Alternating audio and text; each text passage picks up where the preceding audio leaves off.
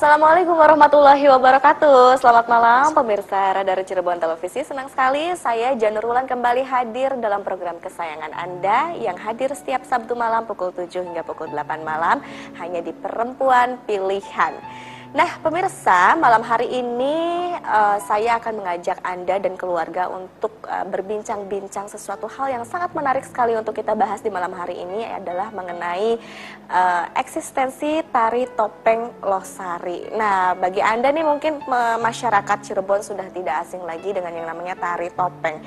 Uh, memang kota Cirebon ini adalah salah satu kota wali yang karena memang uh, termasuk kota tua juga jadi kota Cirebon ini juga ternyata dianugerahi dengan syaratnya seni dan kebudayaan yang diwariskan oleh nenek moyang kita sebelumnya. Salah satu warisan dari nenek moyang kita adalah tari topeng. Namun ternyata pemirsa banyak jenisnya ternyata tari topeng itu. Nanti kita akan coba bahas satu-satu dan tentunya malam hari ini saya tidak sendiri.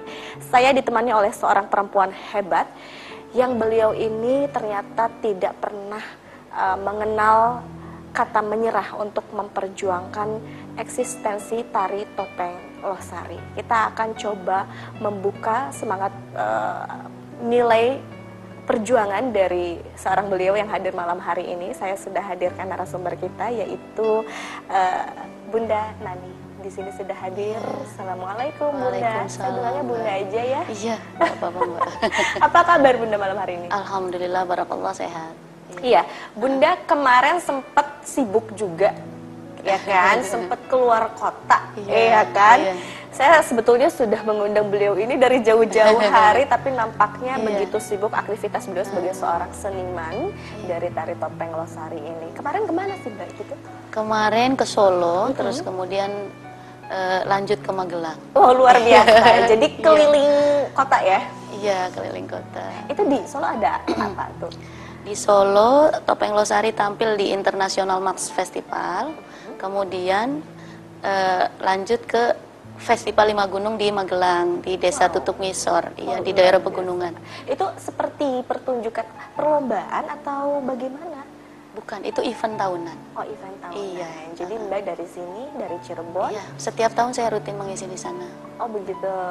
Terutama di Festival Lima Gunung ya. Jadi karena memang kan Festival Lima Gunung itu kan kondisinya adalah festival rakyat gitu ya. Iya. Jadi yang betul-betul festivalnya menyatu dengan alam dan itu buat Topeng Losari energinya luar biasa.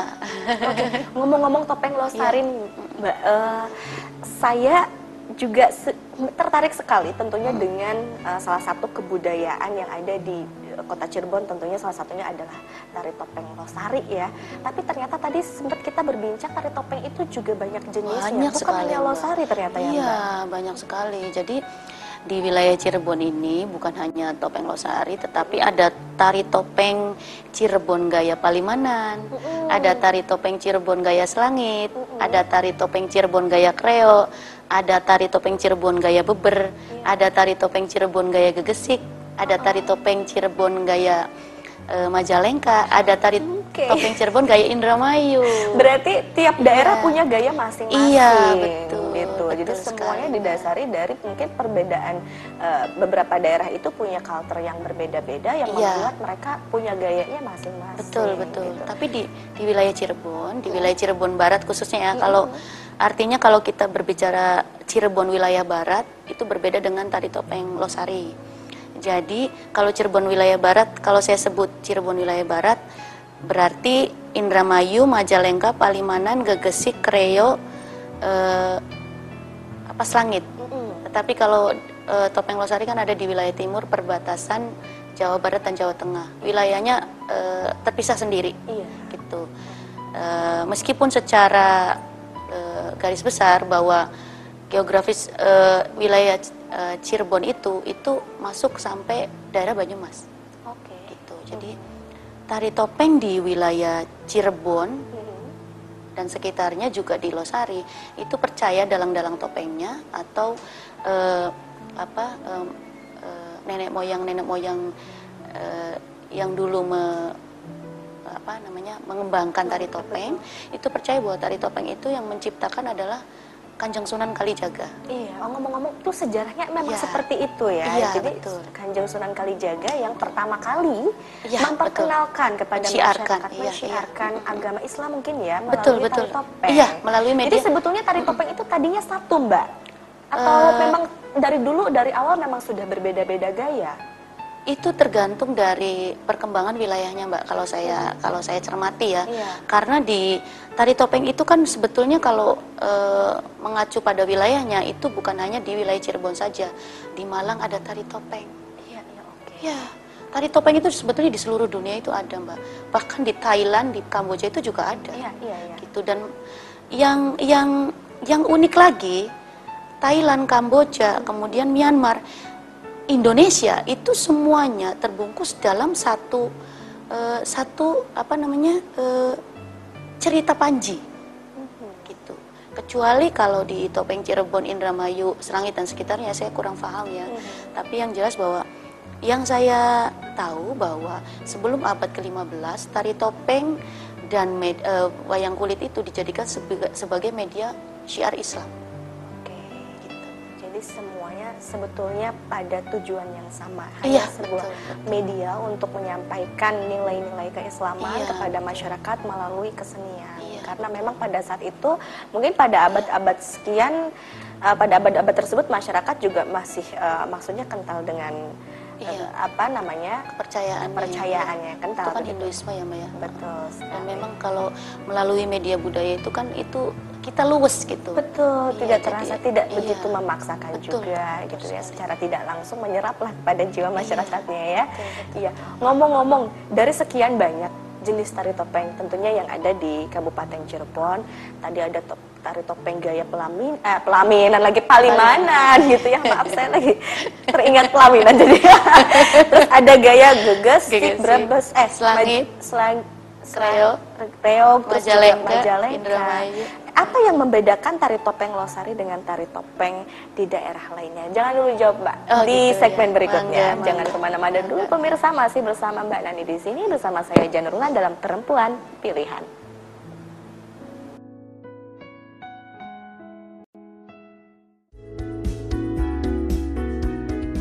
Terima kasih masih bersama kami dalam program Perempuan Pilihan. Malam hari ini kita membahas mengenai eksistensi tari topeng Losari, salah satu eh, kebudayaan yang ada di Kota Cirebon yang tentunya patut untuk kita lestarikan dan kita banggakan. Tentunya malam hari ini sudah ada Mbak eh, Nani di sini, saya tidak sendiri. Tadi saya sempat nanya, Mbak Nani, kalau tari topeng di Cirebon ini banyak jenisnya, berbagai daerah punya gaya masing-masing. Lalu apa yang membedakan tari topeng Losari dengan tari topeng lainnya? Jadi tari topeng Losari berbeda dengan tari topeng yang ada di wilayah Cirebon, Indramayu dan sekitarnya. Bukan hanya dari historinya, Iya. tetapi juga dari geraknya, kemudian dari kostumnya, kemudian dari musiknya dan urutan penyajian. Kalau eh, di topeng Losari lebih ke eh, ritual dan sakralitas, sedangkan di topeng Cirebon itu lebih ke filosofi. Eh, lima wandanya menggambarkan tentang karakter manusia, sedangkan di topeng Losari tarian menjadi bagian media ritual hubungan erat antara Tuhan, tubuh dan bumi. Gitu. Ya, dan Jadi ketiga unsur Iya. tersebut iya, di tiga dimensi dalam sebuah tarian. iya. tarian. Iya betul. Eh, topeng Losari sendiri itu diciptakan dan disempurnakan itu oleh Pangeran Losari atau Raden Angkawijaya Mhm. atau Panembahan Losari yang notabene beliau adalah cucu dari Kanjeng Sunan Gunung Jati, Mbak. Oke. Iya. Dan topeng Losari mempunyai tiga gerakan yang berbeda dengan tari topeng di wilayah Cirebon, Indramayu dan sekitarnya. Salah satunya adalah galeong atau kayang, kemudian pasang naga seser atau tanjak, Iya. yang ketiga gantung sikil, gerakan yang menyerupai patung Dewa Siwa. Oke, jadi itu sebetulnya yang membedakan gerakan-gerakan seperti itu ya. Boleh di- dijelaskan Mbak, maksudnya dari ketiga gerakan tersebut yang membedakan dengan tari-tari topeng eh, di luar sana, maknanya ada mungkin ya, pastinya ada dong makna dari ketiga gerakan tersebut, arti dari gerakan tersebut. Iya. Sebetulnya kalau setiap eh, gaya tari topeng di wilayah Cirebon dan Losari itu mempunyai makna ritual yang sangat kuat karena eh, pada zaman dulu itu tari topeng itu difungsikan sebagai media ritual yang eh, hubungannya erat dengan eh, Tuhan dan semesta. Hmm. Jadi mungkin sekarang sudah berubah fungsi menjadi seni pertunjukan ya. Iya. Jadi kalau kita jabarkan secara detail misalkan makna dari beberapa gerakan, gerakan itu adalah bagian dari media ritual tersebut. Jadi tidak ada tidak ada penjabaran makna satu-satu gerakan itu apa, tidak ada kecuali mungkin di topeng Cirebon, Indramayu dan sekitarnya yang Mbak mungkin boleh ditanya. Tapi kalau di topeng Losari semua rangkaian gerakan yang ada di topeng Losari adalah bagian dari media ritual hubungan erat antara Tuhan, tubuh dan semesta. Baik. Berangkat dari perbedaan. Ya. Tentunya kalau kita berbicara perbedaan, pasti akan menuai ada yang pro, ya, ada juga betul. yang kontra. Ya, Lalu bagaimana ya. sendiri dengan topeng losari ini, Mbak? Ya. Jadi uh, masing-masing orang kan mempunyai penilaian berbeda ya Mbak ya. Hmm. Uh, dan kita tidak bisa memaksakan orang harus uh, menyamakan cara berpikir dengan pola pikir kita. Artinya kalau mereka mempunyai uh, cara berpikir bahwa perbedaan itu kemudian menjadikan uh, topeng losari uh, kemudian nilai sebagai beda genre mm-hmm. dianggap bahwa genrenya bukan tari topeng yang mangga gitu ya yeah, tapi yeah, yeah. Uh, secara histori bahwa silahkan tanya kepada uh, sejarawan di Cirebon atau budayawan-budayawan di Cirebon bahwa tari topeng itu difungsikan dulu sebagai apa gitu jadi uh, justru perbedaan itu yang menjadikan uh, wilayah Cirebon ini sebagai kota budaya yang variatif. Betul.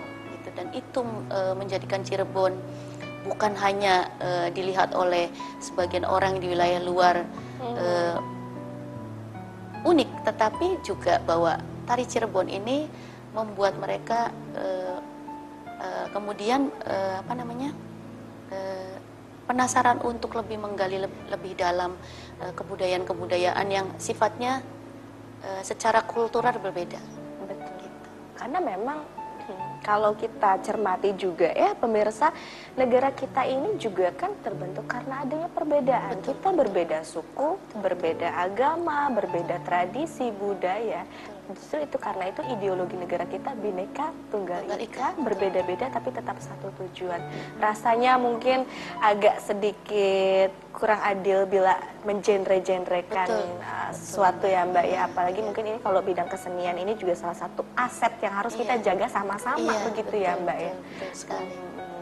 Uh, selama perjuangan Mbak untuk uh, mem bukan menggugah ya maksudnya untuk menyadarkan bahwa ini loh tari topeng losari itu uh, artinya sama juga dengan tari-tari topeng lain. Maksudnya gini, tidak semua masyarakat juga bisa menerima perbedaan yang ada dalam tari topeng losari. Bagaimana Mbak selama ini meyakinkan kepada masyarakat? Iya, ya kita tidak bisa seperti halnya tadi ya kita tidak bisa memaksa orang untuk uh, simpati terhadap topeng losari atau menyukai topeng losari, tapi yang jelas bahwa cara yang paling yang paling uh, harus kita lakukan untuk bisa uh, memberikan keyakinan kepada mereka yang melihat bahwa topeng Losari berbeda dengan tari topeng di wilayah Cirebon dan Indramayu yaitu dengan kualitas tentunya Mbak.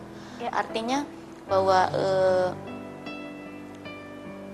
mereka kita harus punya strategi untuk memberikan wacana kepada mereka bahwa uh, tari topeng di wilayah Cirebon ini itu awalnya memang diciptakan bukan hanya satu genre saja, tetapi genrenya memang tari topeng, tetapi eh, masing-masing e, kita berbeda menurut perkembangan wilayahnya gitu. Iya.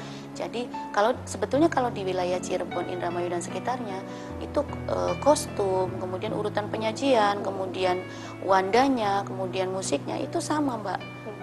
Hanya topeng Losari yang berbeda gitu. Jadi e, mungkin dari sejarah perkembangannya atau e, perkembangan oleh penciptanya itu juga memang dari dulu memang sudah berbeda gitu. Dan saya hanya hanya bertugas e, memberikan penjelasan tentang proses saya kepada masyarakat masyarakat luas bahwa perbedaan itu tidak menjadikan kami kemudian menjadi terpisah, tetapi lebih kepada bagaimana ketika e, satu sama lain saling menghargai perbedaan tersebut. Seperti halnya misalkan ketika saya misalkan di tanya oleh beberapa orang bahwa kan ada sebagian orang yang tidak mengetahui tentang beberapa macam jenis uh, tari topeng yang ada di wilayah Iya, Cirebon. Saya harus jelaskan Ya. supaya mereka juga paham bahwa tari topeng di wilayah Cirebon ini bukan hanya topeng Losari, tetapi ada topeng Selangit, Indramayu, Gekesik, Majalengka, Palimanan dan sebagainya. Betul. Bunda Nani tadi sempat bilang juga bahwa untuk meyakinkan kepada masyarakat. Dengan adanya perbedaan dari topeng Losari dengan topeng-topeng lainnya adalah dari segi kualitas. Tentunya Iya, betul. kualitas ini terlahir tidak semudah yang kita bayangkan. Perlu ada perjuangan, perlu proses. Prosesnya pun tidak tidak sedikit ya Mbak ya. Iya, Prosesnya lama Iya, sekali. iya, iya. Kalau boleh tahu dari tahun berapa Mbak eh, Bunda Nani memperjuangkan? Maksudnya meyakinkan bahwa ini loh tari topeng Losari ini tidak seperti apa yang disangkakan oleh Iya. Sebetulnya dari dulu, Mbak. gitu. Iya, dari kalau SMA belum ya, belum fokus. Hmm. Tetapi tahun 99 kemudian saya Oke. mulai mulai eh, belajar penuh bagaimana bertanggung jawab terhadap topeng Losari setelah nenek saya meninggal pada saat itu. Jadi eh, Hampir saya 29 tahun berarti ya Mbak ya? ya kurang luar lebih. biasa. Kalau awal-awal saya menari itu umur satu tahun tujuh bulan. Oh, satu tahun Iya. tujuh bulan udah bisa nari. Ada videonya nggak sih Mbak? ada. Jadi ada. Kami saya punya dokumentasi yang di, diberi oleh eh, pihak Universitas eh, Teknologi Bandung. Hah? Beliau itu maest- eh, profesor ya. Beliau itu memberikan dokumentasi kepada saya ketika saya menari umur dua setengah tahun. Waktu itu di acaranya kalau nggak salah Pak Mamunur ya. Itu gimana ceritanya? Kok umur dua setengah tahun udah bisa menari? Jangan-jangan dalam perut udah bisa nari juga? Iya. itu siapa Iya, yang mengajari pada saat itu? Iya. Jadi lingkungan saya itu memang lingkungan seniman, Mbak. Oke. Kakek buyut saya juga dalang wayang kulit dan dayang wa- dalang wayang topeng. Jadi kalau saya eh, saya ini generasi ketujuh dari terah tari topeng Losari. Eh, dari kalau diurut secara nazabnya ya, Pangeran Losari, Dalang Duman, Dalang Darim, Dalang Sumitra, Dalang Dewi nenek kandung saya, kemudian Dalang Sawitri adik kandung nenek saya. Dalang Dewi ini anak pertama dari Dalang Sumitra. Hmm. Terus kemudian saya, saya keturunan ketujuh. Iya. Jadi kalau dari garis keturunan betul-betul garis benang merahnya memang benang Iya, merah banget lurus, gitu iya, ya. betul, lurus. betul. Oh. Saya- Memang mungkin karena setiap hari melihat gitu Iya, ya. betul, Tapi itu nggak ada, iya. maksudnya nggak nggak nyangka kalau dua setengah tahun itu kan masih di bawah tiga tahun itu kadang Iya, iya, iya. masih sangat balita sekali Iya, kan iya, gitu. iya. Nah kebetulan pada saat itu memang ada kesempatan untuk tampil mungkin gitu ya. aktivitas mbak. Jadi aktivitas nenek saya itu kan dari dulu di sanggar itu kan eh, aktif ya. Iya. artinya eh, melakukan rutinitas itu sebagai seniman murni Mhm. tidak tidak bekerja dan memang pure sebagai seniman. Jadi anak cucunya itu ya bergerak di ruang lingkup seniman gitu mbak. Jadi memang tidak jauh dari itu. Jadi memang sudah dikondisikan di eh, dalam dalam situasi ruang lingkup seniman jadi ya tidak ada pilihan sebetulnya selain bisa Iya, menari selain jadinya bisa, ya, selain- selain beraktivitas menari, iya. Terusnya begitu ya Mbak, eh, Bunda Nani. Oke baik tentunya berbicara tentang perjuangan Iya.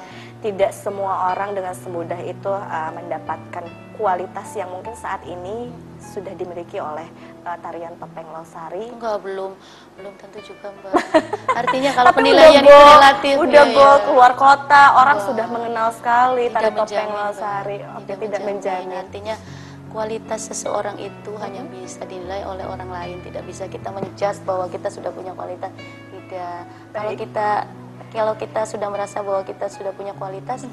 kita tidak berproses lagi dong Oh betul Iya. sekali ya. Jadi Iya.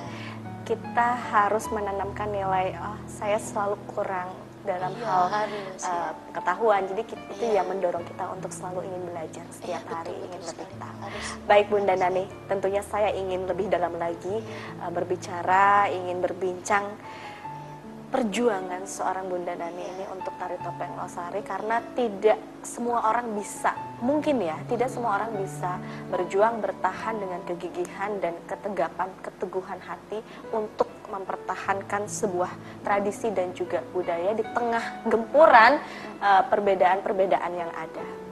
Nah itu semua untuk motivasi kita, perempuan pilihan di luar sana, jangan ke mana-mana dulu, tetap bersama kami di Radar Cirebon Televisi.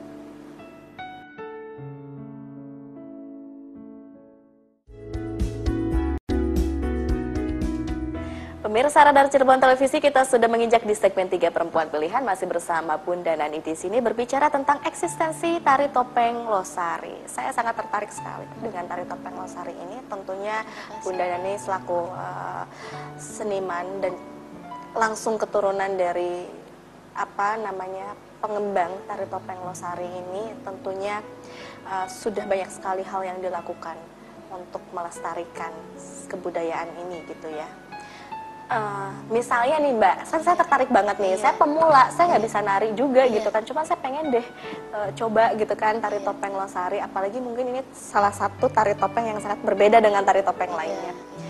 Iya apa ada persyaratan khusus mbak? Buat saya nih ya gitu. Soalnya kan mengingat oh iya ya tari topeng losari perbedaannya dia sangat sakral sekali apakah ada kualifikasi tertentu gitu ya untuk yang mempelajari tari topeng losari? Semua topeng di wilayah Cirebon itu sakral mbak. Ya. bukan hanya topeng iya, losari ya, ya. ya syaratnya hanya semangat saja. Semangat. karena itu modal utama. Semangat atau iya. semangat? Tidak ada syarat apa pun. Harus semangat dan okay. artinya bahwa dia uh, bisa menjadi pribadi yang punya attitude yeah. itu saja. Oke, mm-hmm. oke. Okay. Okay. Berbicara tentang perjuangan, yeah. tentunya nggak mudah dong, Bunda Nani sampai sejauh ini detik ini berdiri dengan tegap untuk melestarikan tari topeng. Ada nggak sih cerita-cerita mungkin yang bisa menjadi kita sebagai seorang perempuan termotivasi untuk memperjuangkan sesuatu itu kadang ketika kita menemukan sebuah kendala di depan, plek, oh sudah saya lelah, saya berhenti saja. Ada loh yang seperti itu, menemukan titik keputusasaan yeah. dalam memperjuangkan sesuatu. Ada cerita mungkin bisa berbagi dengan kita semua. Di sini perempuan pilihan. iya. Jadi kalau manusiawi ya Mbak, kalau ada perasaan sedih, kemudian kecewa, marah, ya iya, kan, iya, pasti itu ada. Hmm. Tapi eh, bagaimana kita sebisa mungkin untuk tetap terlihat kuat. Iya, betul. ya, sebagai perempuan kan tidak boleh artinya kita memperlihatkan eh, bahwa kita itu lemah, bahwa kita bahwa kita itu tidak bisa menjadi pondasi bagi sekitar kita. Artinya kalau kita bisa menjadi perempuan yang bisa bermanfaat untuk sekitar kita dan orang banyak, ya itulah sukses yang sesungguhnya. Betul. Ya, dan berjuang itu sesungguhnya sakit Kenapa Mbak bisa iya, iya. menyimpulkan bahwa berjuang itu sakit? Ya, sakitnya karena biasanya dikondisikan oleh sesuatu yang tidak mendukung kita. Misalkan Emang uh, topeng Losari pernah nggak didukung ya Mbak ya? Hampir selalu. ya? hampir selalu Mbak. Gitu. Ya, hampir selalu. Tapi ya itu tergantung dari uh, birokrasi ya Mbak ya. ya. Ada juga kebijakan yang kemudian uh, pada saat itu mensupport topeng losari, tetapi kan kita tidak bisa tidak bisa menyalahkan kondisi sekarang. Ya. Biasanya siapa tergantung siapa yang duduk. Kebijakan kebijakannya. Iya betul dan saya selalu saya selalu berusaha untuk berpikir positif. Selalu saya mindset pikiran saya harus positif positif itu. Kalau tidak saya akan luka terus gitu. Iya. Karena uh, saya selalu mem, me, mensupport diri saya sendiri untuk tetap kuat berdiri tanpa harus meminta kepada siapa pun. Artinya topeng losari itu adalah adalah tanggung jawab saya. Berarti saya tidak boleh bergantung kepada siapa pun kecuali kepada diri saya sendiri. Betul. Itu. Jadi saya selalu punya strategi bagaimana caranya dalam setiap tahun karena saya saya saya selalu berpikir Dulu nenek saya selalu bilang, kamu tidak boleh ada di zona nyaman. Ketika kamu ada di zona nyaman, kamu tidak akan menjadi manusia yang berpikir. Dan itu terus terngiang-ngiang dalam pikiran saya, dalam otak saya, dalam dalam apa e, ruang gerak saya bahwa saya memang harus bergerak. Kalau saya tidak bergerak, topeng losari akan mati dan orang tidak akan pernah mengenal topeng losari.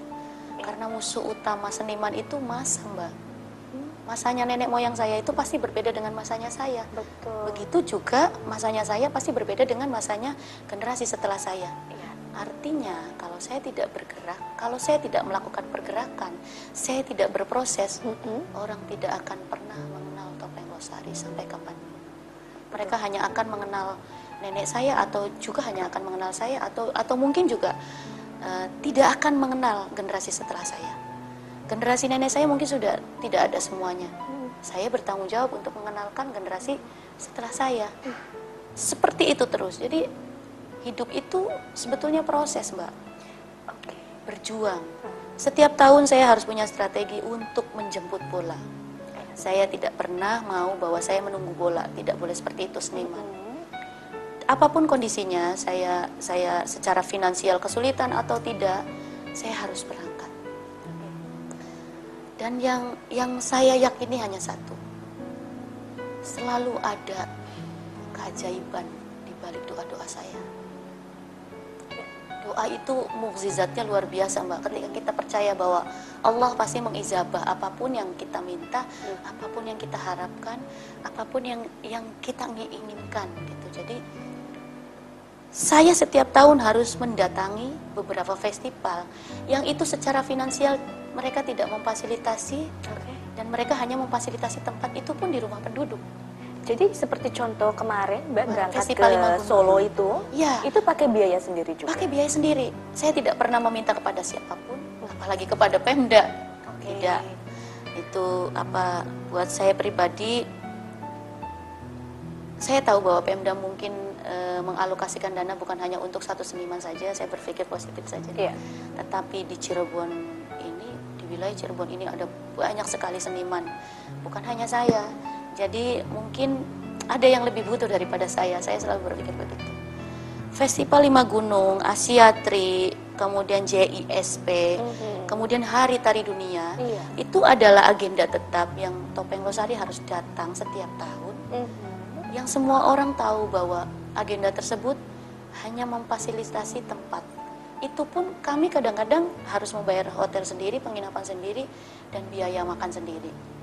Dan itu terkadang tidak masuk di logika ketika saya tidak bekerja sama sekali, Mbak. Saya hanya pure sebagai seniman. Jadi saya harus bisa memanage keuangan saya. Saya kan hanya punya uang ketika saya berangkat ke luar negeri, itu Iya. kan honornya memang besar ya. Iya. Dan secara pribadi saya harus bisa memanage keuangan itu untuk saya kelola supaya saya bisa mengenalkan topeng losari dari satu tempat ke tempat lain tanpa meminta, tanpa nyadong ke mana-mana. Oke. Saya tertarik tadi ada satu bahasan Mbak sering diundang ke luar negeri untuk pertunjukan tari topeng Losari. Eh, saya ingin dong tahu cerita mungkin pengalaman Mbak di luar negeri sana, bagaimana penerimaan masyarakat di luar sana terhadap tari topeng Losari. Iya, tentunya apresiasinya berbeda sekali dengan apresiasi di kita di Indonesia ya Mbak ya. Iya. Tetapi juga kita tidak tidak adil rasanya apabila kita eh, eh, apa, eh, subjektif dalam menilai itu gitu ya Mbak ya. Eh, di wilayah Indonesia juga di daerah tertentu apresiasi terhadap topeng losari itu luar biasa dahsyat. Di luar negeri itu mungkin karena topeng losari dianggap bahwa secara sakralitas dan eh, kesederhanaan tariannya itu berbeda dengan tari-tarian lain di wilayah Indonesia. iya, sehingga mereka menganggap bahwa eh, saya saya masih menjaga eh, originalitas Original. originalitas eh, Original. original dari eh, tarian topeng tersebut. Jadi Iya, iya. mereka lebih suka yang original, Mbak. Betul. Itu yang, Iya. lebih aslinya mungkin Iya, ya. betul. Jadi mereka menghargai sangat originalitas yang ada di wilayah, di wilayah Indonesia khususnya topeng losari. Jadi sebetulnya ketika saya diundang untuk eh, menjadi eh, apa eh, delegasi atau berangkat untuk misi budaya eh, ke luar negeri itu sebetulnya bukan hanya membawa nama topeng losari tetapi nama Indonesia dan Cirebon gitu. Jadi berpuluh kali saya berangkat ke luar negeri dipercaya oleh eh, festival setempat dan itu festival besar ya mbak bukan festival yang yang eh, artinya kita diundang kemudian kita harus bayar sendiri tidak Betul. Saya di, diberi tugas oleh Kemendikbud Mhm. itu untuk menjadi wakil delegasi satu-satunya biasanya kemarin itu saya ke Thailand itu ditunjuk hanya dengan Bali Indonesia itu wakilnya hanya Topeng Losari Oke. dan hanya dengan Bali Luar berdua. biasa Itu ditunjuk oleh kerajaan Thailand untuk mewakili Indonesia sebagai eh, apa eh, celebration di sana untuk penobatan Raja Thailand. Luar biasa itu Mbak. Sebuah kebanggaan tentunya Iya. ya. Ya, alhamdulillah Mbak itu rezeki dari Allah. Dan Hmm. Kesempatan itu memang kan tidak semua orang dapat. Jadi Iya. saya memang secara pribadi saya berterima kasih terhadap Kemendikbud ya karena selalu berulang kali memberikan kepercayaan terhadap Topeng Losari Mbak. Entah itu Europalia, kemudian Frankfurt Book Fair, kemudian eh, apa eh, New Zealand, Iya. kemudian yang eh, event-event yang bertaraf internasional lainnya gitu. Nah, Mbak kan saya berpikir ya tadi Mbak, Mbak Bunda Nani bilang begini, saya tuh tidak pernah mengeluarkan materi, maksudnya tidak pernah um, dapat support materi dari Iya. orang lain untuk uh, eksistensi si tari topeng losari ini termasuk kemarin juga sempat ke Solo itu juga pakai biaya Sendiri. sendiri. Tidak semua orang bisa logisnya loh Mbak ya Iya, gitu ya. iya, Tadi Mbak iya. bilang, oh nggak logika. Mbak." Iya. Itu apa sih sebetulnya yang Bunda cari gitu mengeluarkan uang sedemikian banyaknya, terus juga ibaratnya tidak kembali pula gitu kan Iya, habis iya. di perjalanan hanya Iya. untuk operasional saja Iya, gitu dan itu pun eh, hanya untuk mempertunjukkan gitu kan Iya, pertunjukan tari topeng Losari di luar kota sana. Apa yang mendasari itu sebetulnya kecintaannya itu mungkin ya. Iya, karena saya berpikir bahwa topeng losari ini adalah tanggung jawab saya. Jadi apa pun harus saya Oh, lakukan. Yang penting sana. caranya dengan cara baik gitu. Dan saya percaya bahwa apabila niatan kita baik, insya Allah Allah itu akan memberikan jalan terbaik itu mbak.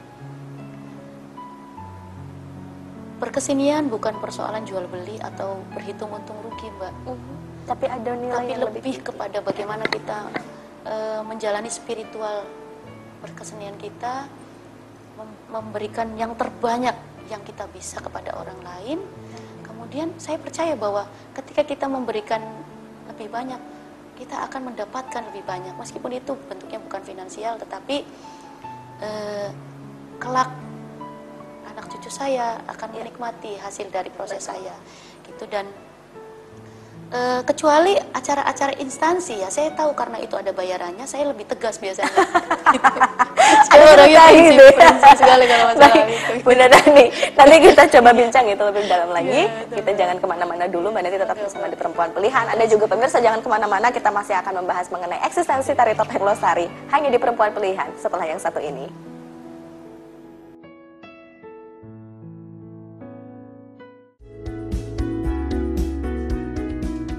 Baik, kita kembali lagi dalam program Perempuan Pilihan. Masih bersama saya Janur Wulan dan masih bersama Bunda Nani di sini bicara tentang eksistensi tari topeng Losari. Eh, kalau boleh tahu, workshopnya di mana Mbak? Di Losari juga? workshop, Workshop, apa latihan oh, rutin latihan oh iya rutin di Losari gitu. Heeh. iya saya tidak pernah punya keinginan Uh-uh. untuk membuka di tempat lain di. Losari itu bukan punya saya mbak itu punya Loh. nenek saya Oh, saya jadi memang turun-temurun tempatnya di situ? Ya, itu sanggar yang saya saya kelola sekarang itu adalah tempat lahirnya nenek moyang saya. Oke. Jadi saya tidak pernah punya keinginan untuk membuka di tempat lain atau bahkan di mungkin di rumah saya di Cirebon di sini. Enggak, saya sama Kalau sekali. ada yang mau privat gimana Mbak? privat itu biasanya dulu saya lakukan di ruang tamu rumah. Oh, Oke. Nah, biaya privatnya itu itu dijadikan sebagai subsidi silang untuk pembiayaan sanggar. Selalu begitu. Berarti selama ini sanggar itu biaya sendiri juga. Ya sendiri, Mbak. Punya berapa banyak anak didik sekarang Mbak? Tidak lebih dari 30 orang. 30 orang Iya. membiayai sendiri. Biasanya berangkat hanya maksimal ya, Mbak ya. Heeh. Antara 15 sampai 20. 15 sampai 20 eh, peserta Itu pun mereka bayar seikhlasnya. Ada yang bayarnya hanya 5.000, ada yang tidak sama sekali. Kalau wilayah setempat saya tidak pungut bayaran, tetapi biasanya anak didik saya kan kebanyakan dari wilayah Cirebon. Hmm. Mereka bayar per sekali latihan itu 25.000. Hmm. Tetapi awalnya mereka dari privat, Mbak. Oh, awalnya dari privat. Mereka berangkat dari privat. Jadi murid-murid saya yang sekarang itu, itu mereka latihan dari SD, dari Oke. SMP sekarang mereka ada yang lulus, ada yang kuliah, ada Iya. yang lulus SMA, ada yang baru SMP gitu. Jadi proses mereka berkesenian di tempat saya itu panjang sekali. Karena saya selalu mendisiplinkan mereka bahwa proses itu penting. Kalau kalian tidak berproses, kalian tidak akan pernah punya kualitas. Sedangkan orang itu dihargai karena kualitasnya. Saya bilang begitu. Dan di sanggar saya melakukan regenerasi sendiri. Tidak tidak melibatkan Pemda dan tidak meminta kepada Pemda. Jadi saya melakukan regenerasi nayaga atau pangrawit. Itu saya membayar, kan nayaga sepuh saya ada 10. Yang yang bersedia melatih itu hanya ada enam. Jadi dan saya memang sanggupnya membayar enam orang. saya membayar enam orang nayaga sepuh saya, satu orang saya bayar 100 ribu untuk melatih regenerasi muda Pangrawit Losari. Jadi kalau enam orang berarti 600 ribu. Kalau dua kali latihan, artinya saya harus satu minggu mengumpulkan satu juta dua ratus. Kalau dari satu Tidak orang hanya konsumsi. bayar lima ribu, ada Iya. juga yang sepuluh ribu, dua puluh lima. Apakah itu cukup Tidak untuk memenuhi itu, tidak menutup. Itu kadang-kadang menjadi hutang selanjutnya, misalkan. Itu kan satu kali latihan kan satu orang dibayar 100 ribu. Artinya satu minggu itu saya harus ada keluar uang 600 ribu. Iya. Itu di luar konsumsi mbak. Karena saya selalu saya selalu eh, memfasilitasi anak didik saya dan nayaga saya dengan konsumsi mereka latihan gitu. Itu pakai uang saya pribadi. Kalau misalkan e, contohnya minggu ini saya bayar hanya 50.000 ribu satu, saya masih punya hutang 50.000 ribu ke mereka Aha. dan itu dikumpulkan. Nah, ketika saya ada job yang memang itu secara profesional mereka membayar saya, saya membayar hutang kepada mereka. Biasa Gitu. Jadi sekali. Nilai eh, pendidikannya ada di situ. Iya, ya, jadi ya? saya tetap berhutang. Artinya saya tidak tidak tidak boleh menyepelekan ap- apa yang mereka lakukan dan kalau nayaga muda mereka belajar itu dengan dengan sukacita, dengan punya tanggung jawab penuh tanpa tanpa eh, berpikir kompensasi. Aha. Mereka mereka selalu berpikir bahwa saya saya tahu Mbak Nani berat tanggung jawabnya. Saya saya mau berjuang bersama-sama Mbak. Aduh saya kalau cara ini ya saya bersyukur dan beruntung memiliki mereka gitu Mbak karena saya selalu diberikan sama Allah itu rizki dikirim orang-orang baik ke tempat saya gitu jadi sebetulnya sudah janji untuk tidak menangis ya tapi It's okay, Mbak. Ya, saya apa? Orang tidak tahu bahwa saya berdiri sendiri, orang tidak tahu saya selalu eh, menguatkan untuk tetap kuat, tidak tidak bergantung kepada siapa pun dan orang hanya tahu bahwa saya ini enak gitu. Tapi mereka tidak tahu apa yang kami jalani itu perih luar biasa dan kadang tertatih hanya untuk bisa mengeksiskan topeng losari dan saya tidak tahu eh, Pemda ke mana saja. Di saat kita di sini Di saat sedang saya butuh, terlatih, berjuang, mengharumkan ya, nama. ya saya Cirebon. saya bukan Tidak mengharumkan nama, baik pribadi.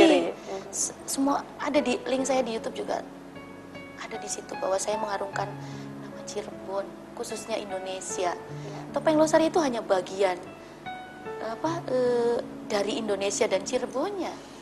Dan mereka ya saya berusaha untuk berpikir selalu berpikir positif. Mudah-mudahan ini saya hanya pemikiran saya saja yang salah gitu. Tapi ya memang kondisinya seperti itu dan orang tidak tahu bahwa saya kadang harus mati-matian berjuang sendiri dengan dengan memanage uang pribadi saya kadang habis-habisan harus gade gade semua perhiasan saya hanya untuk bisa berangkat ke satu tempat yang itu tidak memfasilitasi secara finansial gitu yang penting topeng losari ada di sana gitu dan dan itu berjalan selama bertahun-tahun dan orang tahunya hanya melihat saya enak Iya. tapi ya kali ini saya mungkin harus jelaskan kepada mereka bahwa saya bukan menjual iba, tetapi ya memang seperti inilah kondisinya Topeng Iya, Losari betul. bahwa berjuang itu memang sakit.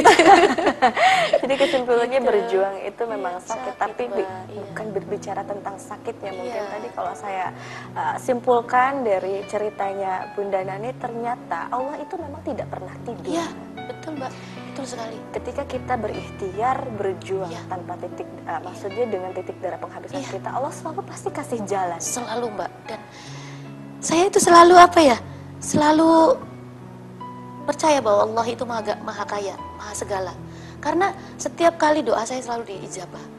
Saya selalu berdoa ketika mau datang nih ke satu tempat ya festival gitu ya kemarin. Duh ya Allah uang dari mana ya saya? Saya harus dapat dari mana ini ya Allah? Dilala sebelum saya berangkat ke festival tersebut Mhm. ada kunjungan mbak dari profesor-profesor yang ITB, IKJ, kemudian ISPI. Mereka berkunjung dan mereka sanggar, untuk saya bekal berangkat ke festival tersebut. gitu. Jadi Allah tuh selalu memberikan jalan dan saya saya tidak pernah tidak meyakini doa-doa saya bahwa apa pun itu selama niat niat kita baik, doa kita baik, kita lakukan hal yang baik, pasti diijabah, pasti diberikan jalan. Iya, karena saya selalu berpikir, saya uang dari mana saya tidak bekerja, Mbak. Saya itu pure sebagai seniman, saya guru juga bukan, ya kan? Tapi ya itu, jangan tidak percaya bahwa Allah itu maha, maha baik, Mbak. Betul.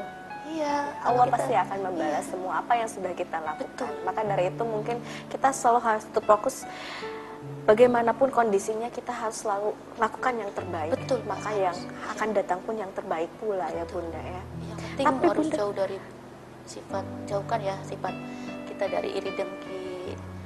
Karena saya percaya bahwa rizki itu sudah diatur sama Allah Iya. gitu kan. Hmm.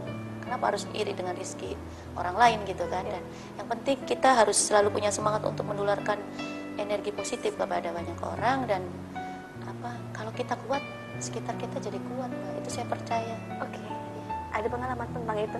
Ya selalu saya saya selalu belajar dari hal hal-hal kecil ya artinya saya kadang kadang rap manusiawi mbak kalau kadang saya rapuh gitu ya tapi saya kadang Ada kalanya Iya, itu lelah iya, gitu ya Mbak iya, ya. Mbak.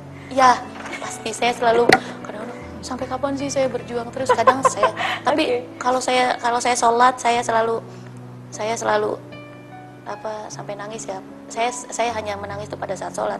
Saya tidak pernah berus, eh, eh, memperlihatkan kesedihan saya kepada anak didik saya apalagi kepada orang banyak. Biasanya saya tidak kuat ketika saya eh, bercerita tentang pengalaman pribadi saya gitu kan. Ya ketika anak-anak saya kemudian tidak boleh menari ya kan? Saya harus eh, menurunkan eh, tanggung jawab saya kepada ponakan saya akhirnya gitu ya. Tapi saya selalu berpikir positif bahwa ya alam dan Gusti Allah itu selalu punya rencana yang bahkan kita tidak tahu. Pasti rencananya itu positif untuk saya. Pasti yang terbaik untuk saya gitu. Itu keyakinan kita Iya, ya. Baik. Tadi sempat eh, Mbak eh, Bunda Nani harus membayar 6 kanayagan. iya Kalau dipikir-pikir sekarang kan udah era digital tuh Mbak. iya iya Kenapa nggak pakai kaset aja sih gitu untuk meminimalisasikan budget Iya, gitu? iya, iya. Kenapa harus pure eh, musiknya harus langsung dari kenayagannya Iya, gitu? iya, iya. Ada mungkin ada. Tidak bisa sesederhana itu mbak berkesenian Iya iya iya. Kalau kita mendidik anak-anak didik saya, saya pernah kan lakukan itu beberapa tahun lalu sebelum dua tahun sekarang, Mm-mm. sebelum proses yang saya jalani sekarang, dan itu saya pikir mereka tidak berkembang, mereka tidak bisa mencerdaskan eh, eh, cara berpikir mereka untuk bisa lebih menggali lagi menggali lagi tentang penjiwaan rasa mereka. Memang penjiwaan rasa itu saya pikir bahasa yang klise ya, tetapi itu memang harus dilalui dengan proses yang tidak gampang, tidak harus dengan kaset. Mhm. Proses latihan dengan kaset itu berbeda dengan proses latihan dengan gamelan. Hal lain juga alasannya adalah ketika silaturahminya menjadi kemudian menjadi dekat satu sama lain. Betul. Kalau saya berproses dengan kaset, secara ikatan batin saya dengan nayaga saya, dengan generasi saya, generasi saya penari dan pangrawit, itu tidak akan dekat, Mbak. Tapi kalau saya lakukan itu selama eh, dua kali satu minggu, Sabtu, Sabtu dan Minggu, berproses dengan gamelan, bukan hanya persoalan eh, rasa saja yang muncul, tetapi silaturahminya juga ikatan batin kita sebagai keluarga sanggar juga semakin kuat. Gitu. Jadi ada banyak alasan kenapa saya lakukan itu. Jadi sebetulnya saya tidak berpikir masalah finansialnya. Masalah finansialnya saya bisa berpikir belakangan, aduh gimana nanti, Iya. nanti deh gampang nyarinya gitu ya. Saya selalu berpikir begitu ya. Tetapi lebih kepada bagaimana saya eh, menyemangati mereka Mhm. bahwa berkesenian itu tidak sesederhana yang kita pikir. Kita harus berproses penuh untuk bisa merasakan eh, suara gamelan Iya. Yang tentunya berbeda dengan dengan suara musik biasa yang eh, lahir dari kaset gitu Iya, ya. iya, iya. Dan mereka jadi eh, berkembang sangat bagus untuk untuk bisa untuk bisa mengekspresikan apa yang mereka eh, latih selama ini, apa yang mereka dapat selama ini. Gitu. Baik, jadi menggabungkan antara Tuhan kita, diri kita, pikiran kita, hati kita, Iya, semuanya dijadikan menjadi satu. Itulah uh, mengapa berkesenian itu harus bersatu dengan Iya. jiwa kita gitu ya gitu iya ya ya? betul sekali. Baik, tentunya eh, apa pun yang eh, Bunda lakukan, tertatih, sedih, sakit, keringat, lelah, air mata, itu semua dilakukan tentunya eh, bukan karena tanpa alasan, tapi ada yang namanya ingin ada sebuah asa dan harapan. Nanti kita akan berbicara tentang mimpi, tari topeng Losari ke depannya seperti apa. Setelah yang satu ini, pemirsa Anda jangan ke mana-mana, tetap di Perempuan Pilihan.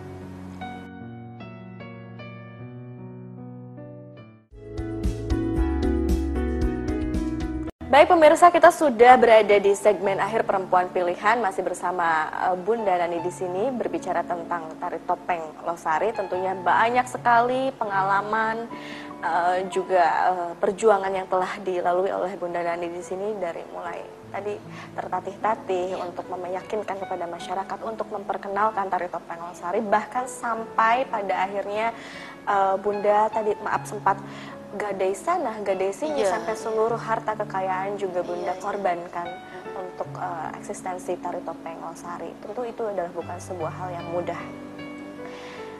Tentu ada asa dan juga harapan yang lebih kuat daripada itu, yang lebih berharga dari semua materi yang sudah Bunda keluarkan. Betul ya Bunda ya? Iya, betul. Jadi tujuan saya yang utama adalah bagaimana saya mendidik generasi setelah saya bahwa mereka harus harus apa juga punya semangat untuk bisa bertanggung jawab ap- a- dengan apa yang saya jalankan sekarang gitu khususnya ponakan saya yang nanti juga meneruskan jejak saya gitu ya. Jadi harapan saya ke depan itu hanya satu sebetulnya.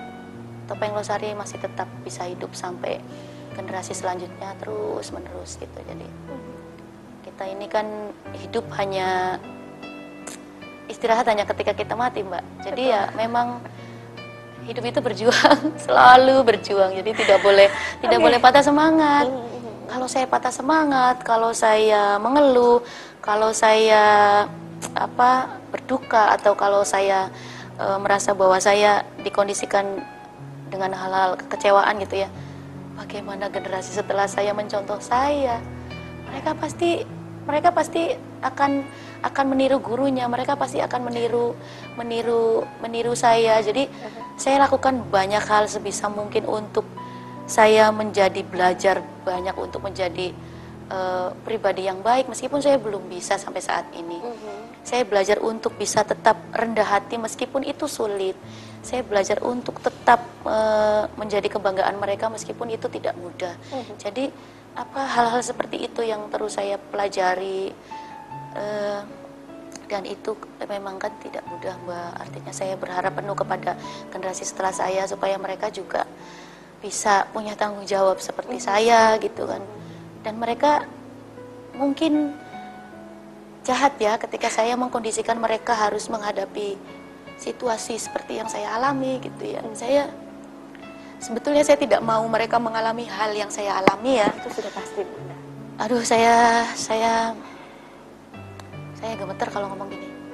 It's okay Mbak. Saya sepertinya jahat sekali gitu ya, tapi ya ya kalau bukan mereka siapa lagi mbak? Saya saya juga bingung gitu kan anak-anak saya juga tidak boleh menari gitu. Kenapa ya. tidak boleh menari Mbak? Iya karena eh, kebetulan satu juga eh, ayah mantan suami saya Mm-mm. ayahnya itu kan seorang eh, apa agamais ya. Oke. Jadi anak-anak saya memang dikondisikan eh, secara agama bagus gitu dan saya selalu pasti saya selalu berpikir ada banyak nilai positif di situ. Mhm. Ketika anak-anak saya soleh, mereka yang membantu mendoakan saya Ya. untuk saya tetap kuat di posisi saya yang sekarang gitu ya. Ya, Oke. It's okay.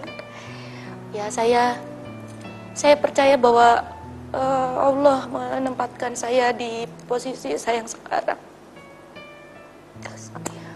Ya, tanpa alasan gitu, Mbak. Allah pasti akan selalu tahu eh, yang terbaik untuk umatnya Mbak ya. Termasuk Iya. jalan hidup seseorang pasti itu adalah yang terbaik. Insya Allah. Iya. Oke. Maaf ya, Mbak. Tidak apa-apa. Karena eh, saya pribadi bahwa menangis itu bukan sebuah kelemahan. Ya. Menurut saya, Tapi dengan dengan menangis Tapi ini di kita akan menemukan orang. kekuatan Oh, iya. baru, Iya. menemukan nilai yang sangat baru. Mbak, terima kasih sekali loh Mbak. Kehadiran Mbak di studio Radar Cirebon Televisi ini memberikan eh, semangat dan energi positif tentunya Allah, untuk pemirsa mudah-mudahan. di rumah sana juga yang mudah-mudahan dapat memetik hikmah dari Insya Allah, perjalanan insya Allah. seorang Bunda Nani dalam memperjuangkan uh, eksistensi tari topeng Losari di kota Cirebon tentunya banyak nilai-nilai kehidupan yang bisa kita petik dan tentunya bisa kita uh, teladani dan kita implementasikan di kehidupan kita sehari-hari. Saya saya mengambil satu eh, apa namanya pesan mungkin dari perbincangan kita malam hari ini bahwa ternyata hidup itu adalah proses Iya, betul. dan proses itu harus terus tetap dijalani. Artinya kita tidak bisa Tidak berhenti bisa selesai, bergerak, iya. harus bergerak terus bergerak agar kita tidak mati ya bunda ya.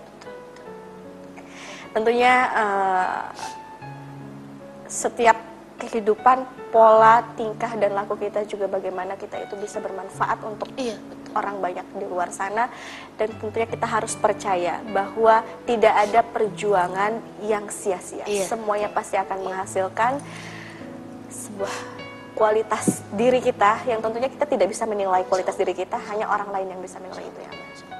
Sukses terus untuk Insya Bunda Allah, Nani. Terima kasih banyak. Tetap Amin, berjuang. ya Allah. Amin, amin. Tetap Insya Allah, memberikan motivasi Allah, untuk perempuan di kota. Cirebon. Insya Allah, amin, amin. Terima kasih Mbak atas Amin. waktunya. Sama-sama Mbak, sama-sama. Pemirsa di luar sana, itulah tadi perbincangan kita malam hari ini tentang perjuangan seorang Bunda Nani untuk mengeksistensikan eh, apa tari topeng Losari yang tentunya itu adalah salah satu budaya yang harus kita sama-sama jaga karena itu adalah warisan dari leluhur kita. Betul Bunda. Saya Janur Wulan tentunya mewakili seluruh kerabat kerja yang bertugas pada malam hari ini pamit undur diri. Sampai ketemu lagi minggu depan di Perempuan Pilihan setiap hari Sabtu pukul 7 hingga pukul 8 malam hanya di Radar Cirebon Televisi Langka Padane. Wassalamualaikum warahmatullahi wabarakatuh.